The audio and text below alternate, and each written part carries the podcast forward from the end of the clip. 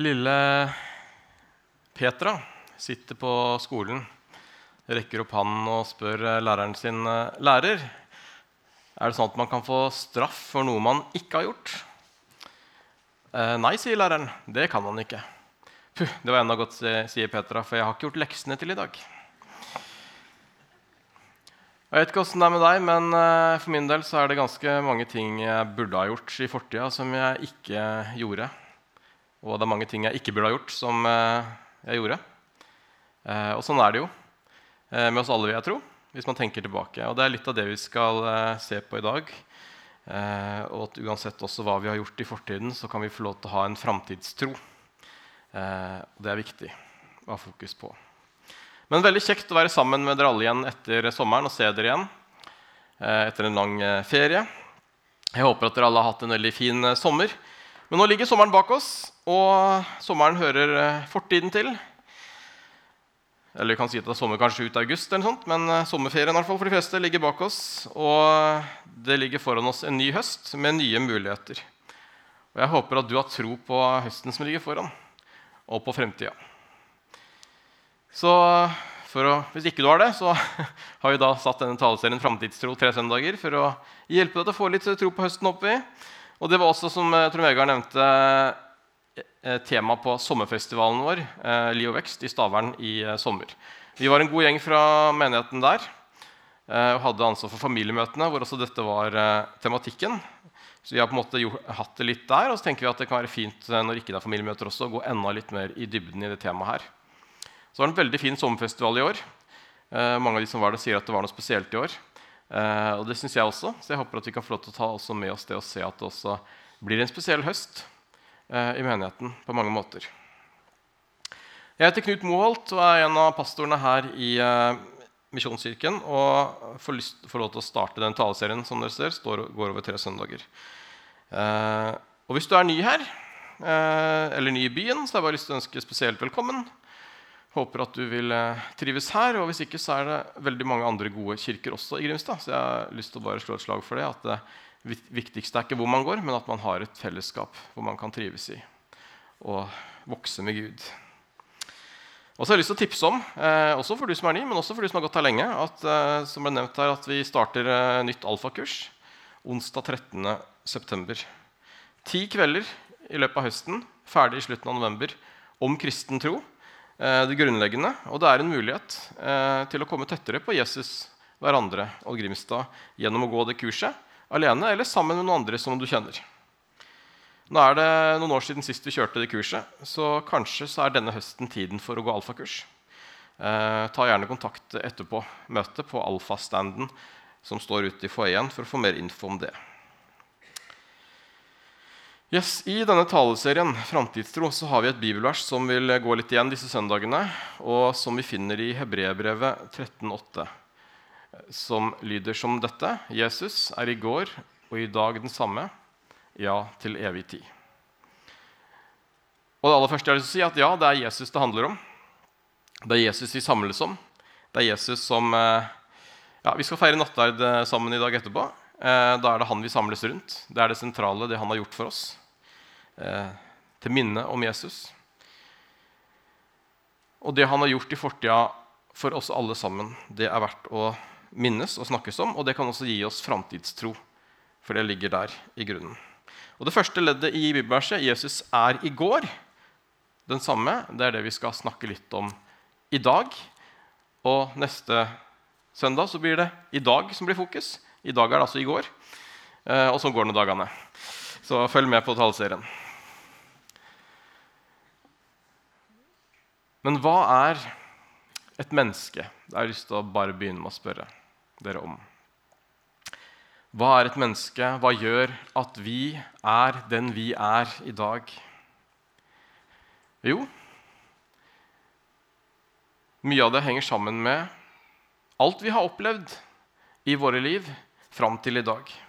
Summen av vår oppvekst, vår familie, våre opplevelser, våre erfaringer, vår lærdom og vår tro. Det er det som former oss og gjør oss til det mennesket vi er i dag. Så det som ligger bak oss, det er veldig viktig. Og selv om fortid på en måte er fortid, så har fortiden betydning for den vi er i dag.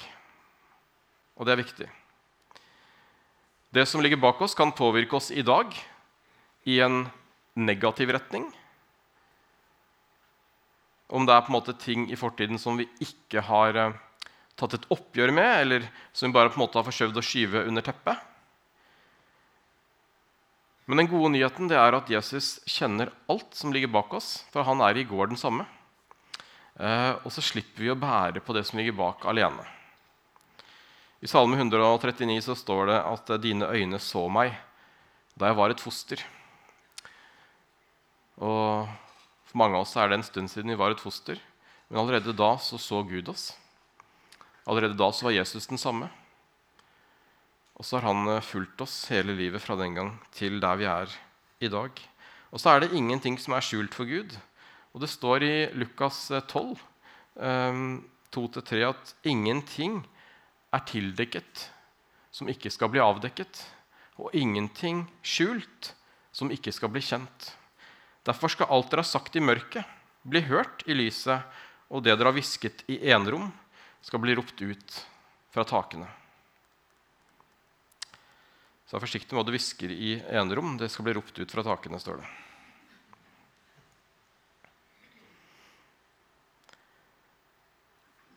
Jeg vet ikke om du har hvisket noe i en gang som ikke var så positivt. Jeg har kanskje gjort det sjøl. Jeg vet ikke om du har gjort noe galt noen gang. Men uh, nå har jeg levd i 42 år, uh, og det er utrolig mye dumt jeg har rukket å gjøre på den tida. Jeg håper det blir bedre med tida. Men uh, vi har jo alle gjort dumme ting i den tida vi har levd.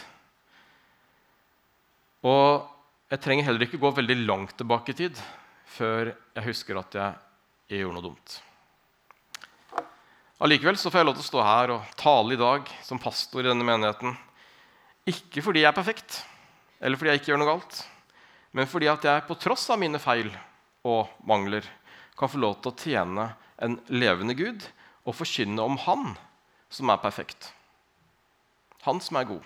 Han som kjenner oss. For det er bare Han som er det. Det er bare Han som er allmektig. Og så er den gode nyheten at Gud kan bruke oss, og at han ønsker en relasjon til oss, uansett hva som ligger bak i vår fortid. Bibelen er full av personer som gjorde dumme ting, og som var langt fra perfekte, og som hadde mye grums i fortida. Allikevel så brukte Gud de mektig. Vi skal se nærmere på en av de. Eh, I apostelens gjerninger møter vi en eh, relativt fæl type som heter eh, Saulus. Han var ikke veldig begeistra for kristne. Og vi skal hva, bare høre hva Bibelen sier om Saulus i apostelgjerningene 7 og 8 bl.a. Så står det at han var til stede når Stefanus ble steinet og til døde og ble den første kristne martyr. Da står det at eh, vitnene la av seg kappene sine ved føttene til en ung mann som het Saulus. Og så står det at Saulus var enig i drapet på Stefanus. Videre står det om Saulus at han for hardt fram mot menigheten. Han trengte seg inn i hjemmene, slepte ut både menn og kvinner og fikk dem kastet i fengsel. Sånn holdt han på. Ganske lenge, faktisk. Helt til Jesus åpenbarte seg for Saulus på vei til Damaskus. Og det står i apostelgjerningene 9, 1-5, at Saulus raste fremdeles mot Herrens disipler og truet dem på livet. Han gikk til øverstpresten, ba om brev til synagogen i Damaskus for å kunne finne dem som hørte til veien, både menn og kvinner, og føre dem i lenker til Jerusalem. Underveis da han nærmet seg Damaskus, strålte plutselig et lys fra himmelen omkring ham. Han falt i jorden og hørte en stemme som sa, 'Saul, Saul, hvorfor forfølger du meg?' 'Hvem er du, Herre?' spurte Saul. Og svaret lød, 'Jeg er Jesus, han som du forfølger.' Saulus, den fæle typen, han fikk et møte med Jesus, han begynte å tro på Jesus og begynte å kalle seg Paulus istedenfor Saulus, som var hans gresk-romerske navn. Og så fikk han et nytt liv. Men fortiden hans må ha vært ganske tung å bære likevel. Å ta med seg inn i en ny tjeneste. For her skulle han jobbe sammen med de kristne, som han i lang tid hadde forfulgt, fått kastet i fengsel. Han hadde vært enig i drapet på Stefanus. Han hadde kanskje fått familien og vennene til mange av de han skulle jobbe sammen med, kasta i fengsel og blitt torturert. Og man kan jo spørre hvorfor valgte Gud en slik mann til å forkynne evangeliet for folkeslagene? Og Vi har mange brev i Bibelen i dag som er skrevet av Paulus, som hadde denne bakgrunnen her. En brokete fortid, vil jeg si. Så kan vi få lov til å høre hva Paulus selv skriver i 2. Korinterbrev 5, 17-21, hvor Paulus sier at nei, den som er i Kristus, er en ny skapning.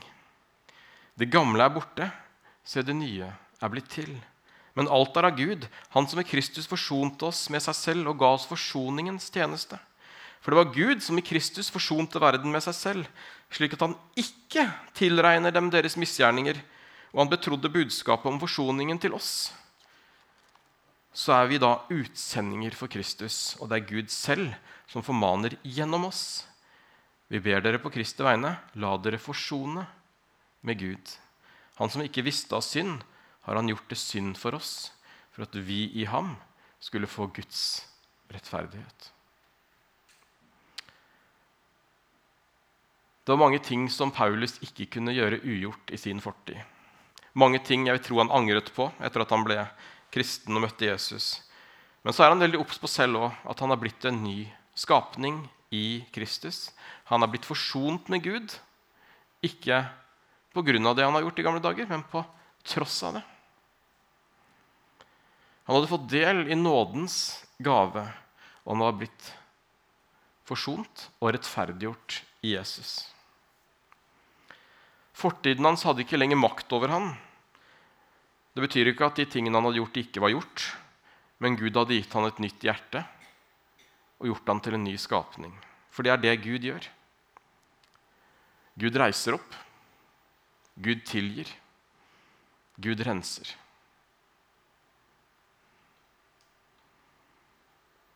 Det som er umulig for oss, det kan Gud på grunn av Jesu død på korset. Jeg sa innledningsvis at Det vi er samlet om i dag, er jo Jesus. og det er det det handler om. Jesus død på korset, når Jesus døde uskyldig, så tok han alle våre synder på seg. Så når vi kommer til han, så renser han oss fra alt, og så sletter han alle våre synder. Det står veldig fint i eh, Kolosserne 2,14 at gjeldsbrevet mot oss slettet han. Det som var skrevet med lovbud, han tok det bort for oss da han naglet det til korset. Han døde uskyldig for at vi som var skyldige, skulle bli uskyldige pga. han, de som tror på han. I uh, Mika 7, 18-19 står det Hvem er en gud som du? En som tar bort skyld og tilgir synd for den resten han eier. Han holder ikke evig fast på vreden, for han vil gjerne vise miskunn. Herren skal igjen vise barmhjertighet mot oss og trå vår skyld under fot. Du skal kaste alle våre synder ned i havets dyp. Jeg hadde en bibelskolelærer på Ansgar-skolen som het Geir Johannessen. Han sa ofte det at uh, havets dyp det er veldig dypt. Og så sa han det er ikke bare at han har kasta alle syndene ned i dypet, men Gud har også satt opp et skilt hvor det står 'fisking forbudt'. Og det syns jeg var fint. Så Vi trenger ikke å fiske rundt etter de gamle syndene. De ligger der på havets dyp. De er ikke mer. Det som ligger bak, ligger bak på grunn av nåden. Og det er det som kan gi oss framtidstro. For nåden er ny hver dag, også hver dag som kommer, som ligger foran. Men så er det kanskje ting vi har gjort i våre liv som vi kanskje angrer på, og som allikevel kan ha makt over oss. Og Da er det kanskje noen ganger viktig å ta et oppgjør med det. For Gud er større enn det som har makt over oss. Og det er ikke nødvendigvis bare vi som har gjort noe galt heller. Det kan være andre som har gjort noe mot oss. Noe som vi ikke kunne noe for. Det var ikke vår skyld. Det var ikke vi som gjorde noe galt. Men gjorde, noen kanskje gjorde noe mot oss som var galt. Og så kan det også hindre oss i tjeneste eller i liv med Gud eller i livet generelt. Det kan være noe som tynger, og som holder oss nede. Og kanskje så trenger vi å bli satt eh, fri fra noe. Og Der er Bibelen full av historier om en Gud som kan gjenopprette og gjenreise alt. Det er mange sånne historier, og En som fikk oppleve å bli gjenoppretta og få en uh, ny start, det var uh, Paulus var en. En annen var uh, Peter. I Johannes 18 kan vi lese om at Peter har fulgt etter Jesus når Jesus ble arrestert i Getsemane. Og Så går de inn i borggården der. Og Peter går og varmer seg på bålet, for det er litt kaldt. Og Så begynner folk å kjenne Peter igjen som en av disiplene til Jesus. Og Siden Jesus akkurat har blitt arrestert, så har ikke Peter veldig lyst til å bli arrestert. han også. Så når noen konfronterer han, så nekter han på at han kjenner Jesus. Og Det står i Johannes 18, 25 og utover at imens sto Simon Peter og varmet seg. Da sa de til ham, 'Er ikke du også en av disiplene hans?' Men han nektet og sa, 'Nei, det er jeg ikke. En av øversteprestens tjenere, en slektning av han som Peter hadde hugget øret av, sier, Så ikke jeg deg i hagen sammen med han? Men Peter nektet igjen, og straks gol hanen. Noen kapitler tidligere hadde Jesus sagt til Peter at innen hanen galer, så vil du fornekte meg tre ganger. Peter trodde ikke noe på det, og vips, så hadde han gjort det. Peter skjønte at han hadde svikta, og han gikk ut og gråt. Han hadde gjort urett mot Jesus. Men så slutter heldigvis ikke historien der, for bare tre kapitler senere, i Johannes 21, så møtes Jesus og Peter igjen etter at Jesus har stått opp fra de døde. På stranda så sier Jesus i Johannes 21, eh, vers 15 utover Da de er ferdig med måltidet, så sier Jesus til Simon Peter, 'Simon, sønn av Johannes, Elsker du meg mer enn disse? Han svarte, Ja, Herre, du vet at jeg har deg kjær. Jesus sier til ham, Før lammene mine. Igjen for annen gang sier han, Simon, sønn av Johannes, elsker du meg? Ja, Herre, du vet at jeg har deg kjær, svarte Peter. Jesus sier, Vær gjeter for sauene mine. Så sier han for tredje gang, Simon, sønn av Johannes, har du meg kjær? Peter ble bedrøvet over at Jesus for tredje gang spurte han om han hadde ham kjær, og han sa, Herre, du vet alt. Du vet at jeg har deg kjær. Og Jesus sier til ham, Fø sauene mine. Tre ganger hadde Peter fornekta Jesus. Og tre ganger fikk han lov til å bekrefte at han elsket ham. Og så fikk han gjort opp.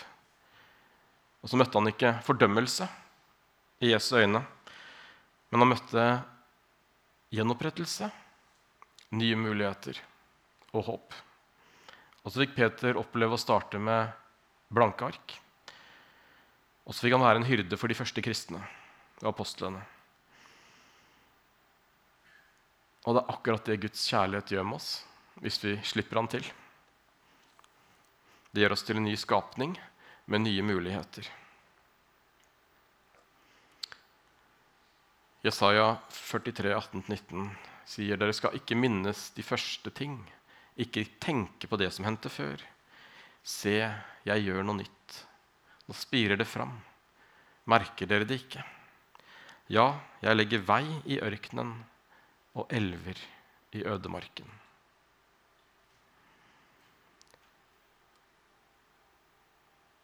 Når livet vårt føles litt tørt, som en ørken, så har Gud allikevel makt til å la det spire fram, og til å la livets vann velle fram i våre liv. Uansett hvor tørt det er, om det er ørken med bare sand, så kan Gud skape vann. Han kan lage vei og elver. Men noen ganger så må vi kanskje velge å komme til Gud med de tingene som vi bærer på, slik at han kan få lov til å ta det på seg og gjenopprette som bare han kan. Og Det minner Jesus også på mange ganger, bl.a. i Matteus 11, 28, hvor han sier, 'Kom til meg, alle dere som strever og bærer tunge byrder, og jeg vil gi dere hvile.' Men kom til meg, sier han, så vil jeg gi dere hvile. Vi må komme til han. Det fordrer at vi kommer til han. Og Det skal vi få lov til å gjøre straks. og Derfor er det fint å samle liksom på gudstjeneste med Jesus i sentrum. Vi kommer til han, er sammen med han, har fokus på han. Og kan få lov til å bli gjenoppretta med han. Og den gjenopprettelsen det er den som kan gi oss en framtidstro. Så uansett hva som ligger i vår fortid, så kan vi få lov til å ha en tro på framtida. Nå skal vi få lov til å høre en uh, sang først. Det kan bare uh, gjøre dere klare. Og mens vi hører den sangen, uh, så vil jeg utfordre deg til å be til Gud om det er ting i ditt liv eller i din fortid som du kanskje trenger å legge på Han innenfor denne høsten. Eller kanskje noe du trenger å ta et oppgjør med i ditt liv innenfor denne høsten. Kanskje er det en person du har gjort urett mot, som du trenger å be om tilgivelse. Kanskje er det noe annet du vil gjøre opp. Kanskje er det noen som har gjort noe mot deg, hvor du trenger å ta et oppgjør der òg. Jeg tror på det å ta et oppgjør med fortiden og gå videre sammen med Gud. Og det er få ting som er så sterkt som å be om tilgivelse for noe som skjedde for lenge siden. Det er ikke lett å tenke at det er så lenge siden. Da er det like lett å bare la det ligge. Men så kan det allikevel ha makt over oss. Og så tror jeg det er så forløsende. Til å oppleve det i mitt liv òg. Jeg fikk lov til å be om tilgivelse for en urett jeg hadde gjort 10-15 år før. Og så fikk jeg lov til å oppleve at jeg ikke ble møtt med fordømmelse, men med tilgivelse og kjærlighet. Og det gjenoppretter. Og det gjør at man kan gå videre med et oppreist hode og en ny tro. Og så kan vi be om Den hellige ånds kraft og styrke til det. Og legge av det som tynger. Og ha fremtidstro uten at det er noe som forstyrrer i fortiden. Så be gjerne en bønn til Gud om det. Vis meg, Gud, hvis det er noe jeg skal ta et oppgjør med, eller noen jeg skal snakke med, be om tilgivelse, ta et oppgjør med, mens vi hører denne sangen.